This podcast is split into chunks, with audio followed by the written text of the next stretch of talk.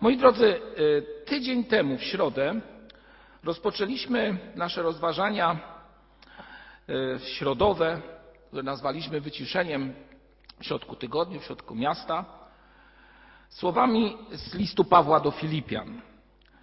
I tam wyszczególniliśmy takie konkretne trzy punkty, które miały być zachęceniem, czy też miały prowadzić do tego, abyśmy je zapamiętali i zastosowali w naszym codziennym życiu. W liście do Filipian w czwartym rozdziale, w szóstym wierszu czytamy Nie troszcie się o nic, ale we wszystkim w modlitwach i błaganiach z dziękczynieniem. A więc trzy sprawy.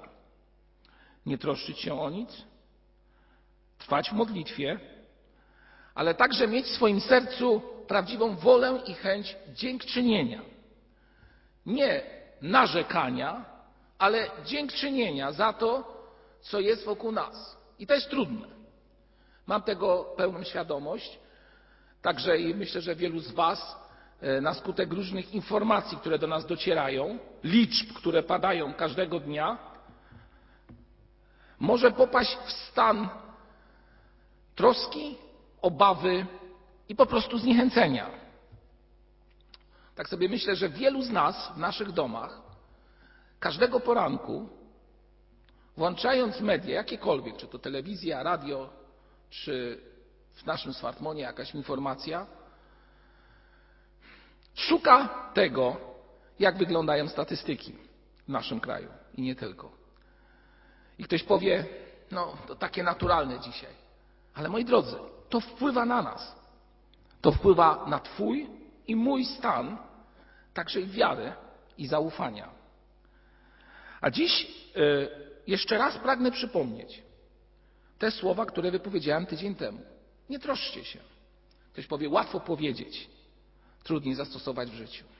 Ale ostatnio czytałem pewien przykład o dwóch młodych chłopakach, którzy to, to były dzieciaki siedmioletnie, siedmiu, ośmioletnie, które czasach, gdy jeszcze była zima i śnieg, teraz tego nie było w ostatnim roku, w ostatnim, ostatniej zimie, postanowili uczynić zawody. A więc był to mokry śnieg, więc jeden z drugim założyli się, który większą kulę ze śniegu lepi.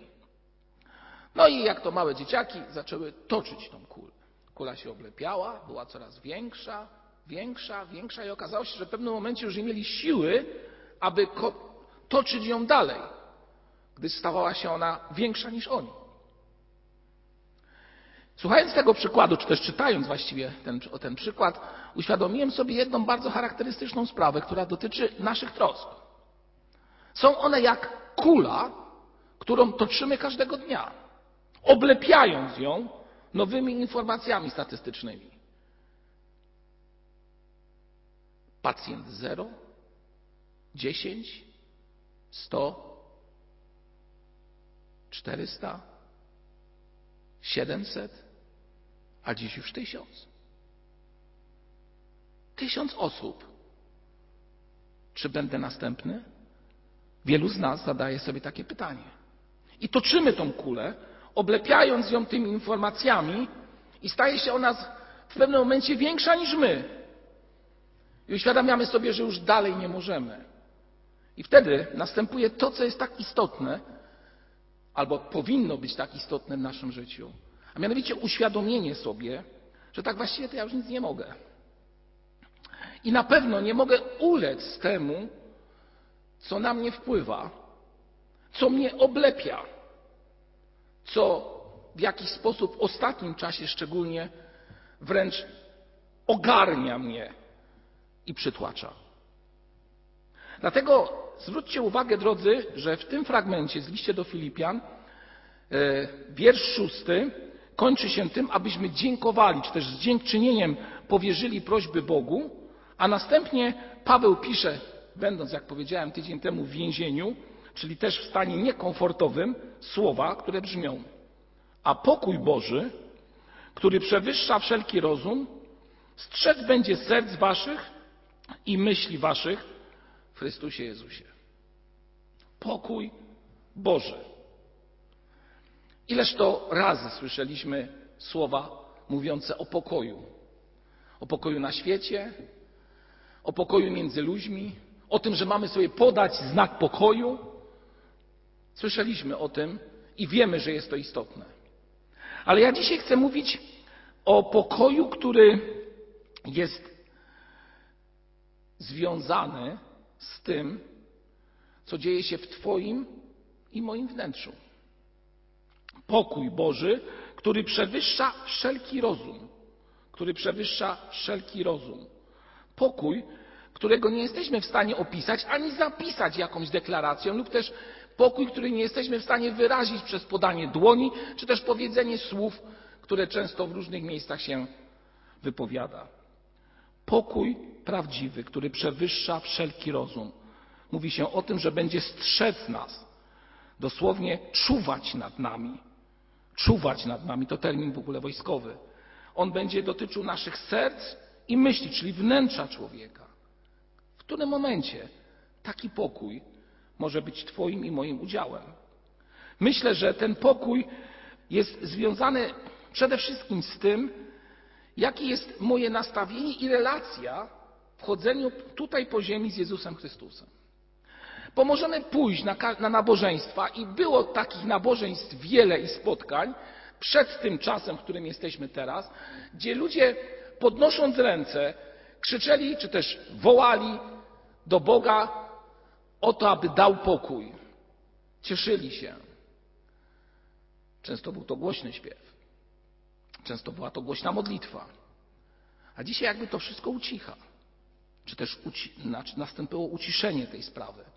Człowiek zrozumiał, że nawet największa celebracja,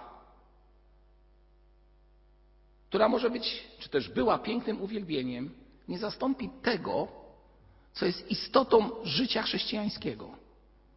A istotą życia chrześcijańskiego jest to, że człowiek może być pewny w swoim wnętrzu, kiedy jest w obecności Jezusa Chrystusa, pewny Jego obecności i pokoju, który On daje. Czy można taki pokój zdefiniować? Obawiam się, że nie podjąłbym się tego zadania. Jest to pokój, który każdy przeżywa osobiście. Ukojenie w nim, złożenie wszystkiego w nim. Kolejny obraz, który też był związany z pewną historią, która mówiła o tym, że dwóch malarzy, artystów właściwie, tak trzeba powiedzieć, zostało zaproszonych do tego, aby w swoim dziele namalować pokój, wyrazić go w jakimś obrazie. Może niektórzy z Was słyszeli ten przykład, ale dzisiaj myślę, że jest on bardzo ważny, aby go przypomnieć. Jeden z nich przedstawił pokój na swoim dziele artystycznym w ten sposób, że pokazał piękny krajobraz, spokojną taflę jeziora. W oddali majestatycznie pojawiały się, czy też zarysowane były góry. Te góry oczywiście były związane z zachodzącym słońcem. Któż nas nie widział takich obrazów? A gdzieś w pobliżu z pastwiska do domu wracały pasące się zwierzęta. Tak wyraził w swoim artystycznym uzniośleniu słowo pokój. Drugi zaś przedstawił zupełnie inny obraz. A mianowicie przedstawił obraz burzy, ołowianego koloru, ołowianego nieba, które widocznie jest związane z tym, że burza tworzy ciemność, spieniony wodospad spienione wodę. I w jednym dolnym rogu tego obrazu, na tle spienionego wodospadu, przedstawił małą szczelinę, w której to małej szczelinie spokojnie spał ptak. Mały ptak. Wszędzie była burza. Wszędzie były troski, obraz był bardzo dynamiczny, byśmy powiedzieli.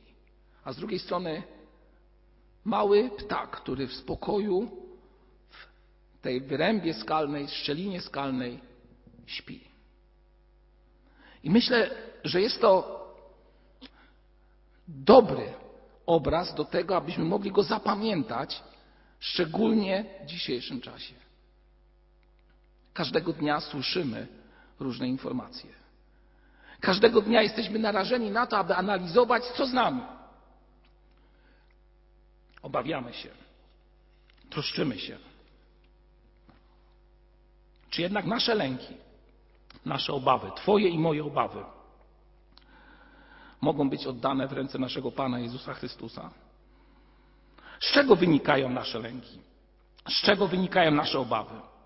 Często mówimy, że wynikają one w psychologicznym tego słowa znaczeniu z przeszłości, ale inne dotyczą przyszłości. Ludzie myślą o tym, że czeka ich starość, że nie będzie zdrowia, że finanse się skończą. To są obawy uzasadnione skądinąd. Ale to wszystko, moi drodzy, powoduje, że gdy nie powierzymy się w ręce naszego Pana Jezusa Chrystusa w pełni, nie jest to jakiś infantylizm czy też jakieś kokietowanie Was w tym momencie, ale faktyczne stwierdzenie, jeżeli nie będziemy w stanie tak w sposób dziecięcy powiedzieć: Panie, tylko w Tobie jest moja nadzieja, pomimo tego, co się wokół nas dzieje, to moi drodzy, w tym miejscu mogę powiedzieć bardzo jednoznacznie: Twój i mój stan będzie się pogarszał.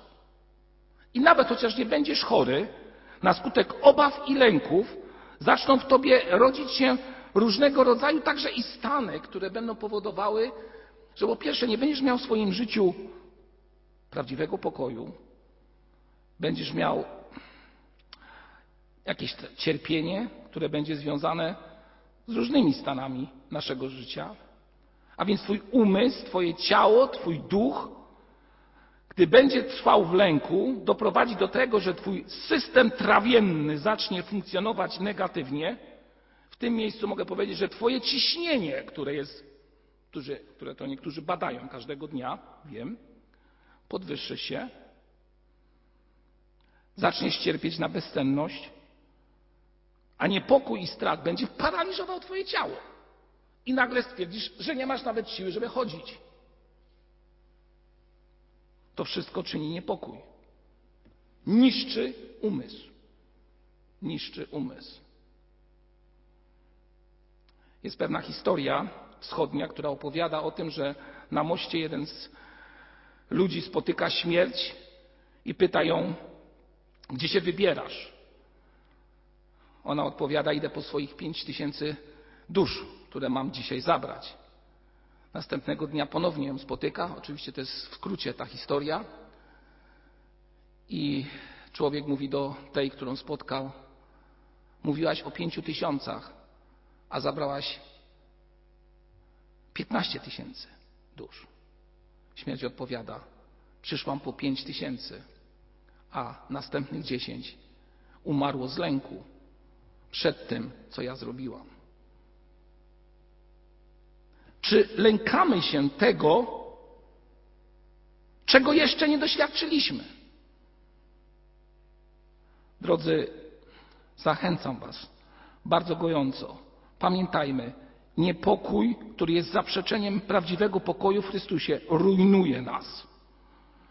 Obawa i strach generalnie w życiu chrześcijańskim są niepotrzebne, dlatego że jesteśmy w rękach naszego Pana Jezusa Chrystusa. A kto ulega obawom i strachom, które są wokół nas, które są wokół Niego, wokół mnie i Ciebie, jeżeli nim ulegamy, to aż się boję powiedzieć. To tak, jakbyśmy zaprzeczyli wszechmocy i wielkości naszego Pana Jezusa Chrystusa, który obiecywał co? Że będę z Wami do końca Waszych dni.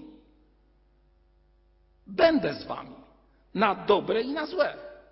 To w małżeństwie często, kiedy młodzi sobie przysięgają w okresie wielkiego uniesienia i przed ołtarzem, gdy stoją, przysięgają sobie wierność w dobrym i w złym. I potem się tak dzieje, że na przykład w takim mieście jak my tutaj, w Warszawie, z tego, z tych młodych par, które ślubowały sobie wierność na dobre i na złe, po kilku latach zostaje tylko 50% w związku małżeńskim. Poślubowanie ludzkie nic nie znaczy, albo bardzo mało znaczy. Ci zaś, którzy ufają Panu, mają pewność, że mogą schronić się w tej strzelinie i spokojnie spać. Dlaczego? Że niezależnie od tego, co się będzie działo w naszym życiu, czy będzie to dobre, czy złe, czy będzie się mi to podobało, czy też nie będzie mi się to podobało, jestem w rękach mojego Pana. To jest ten pokój Boży, który przewyższa wszelki rozum, który będzie Cię strzegł, który będzie strzegł Twojego serca, jak mówi Pismo Święte, Twoich wszystkich myśli, wszystkiego. Ten pokój jest i będzie z każdym z nas. Umiłowani. Tak mówi Paweł na początku czwartego rozdziału w pierwszym wierszu. Umiłowani. Trwajcie w Panu. Czyli po prostu bądźcie w Nim. Zaufajcie. Bo tylko w Nim jest prawdziwe zwycięstwo. Amen.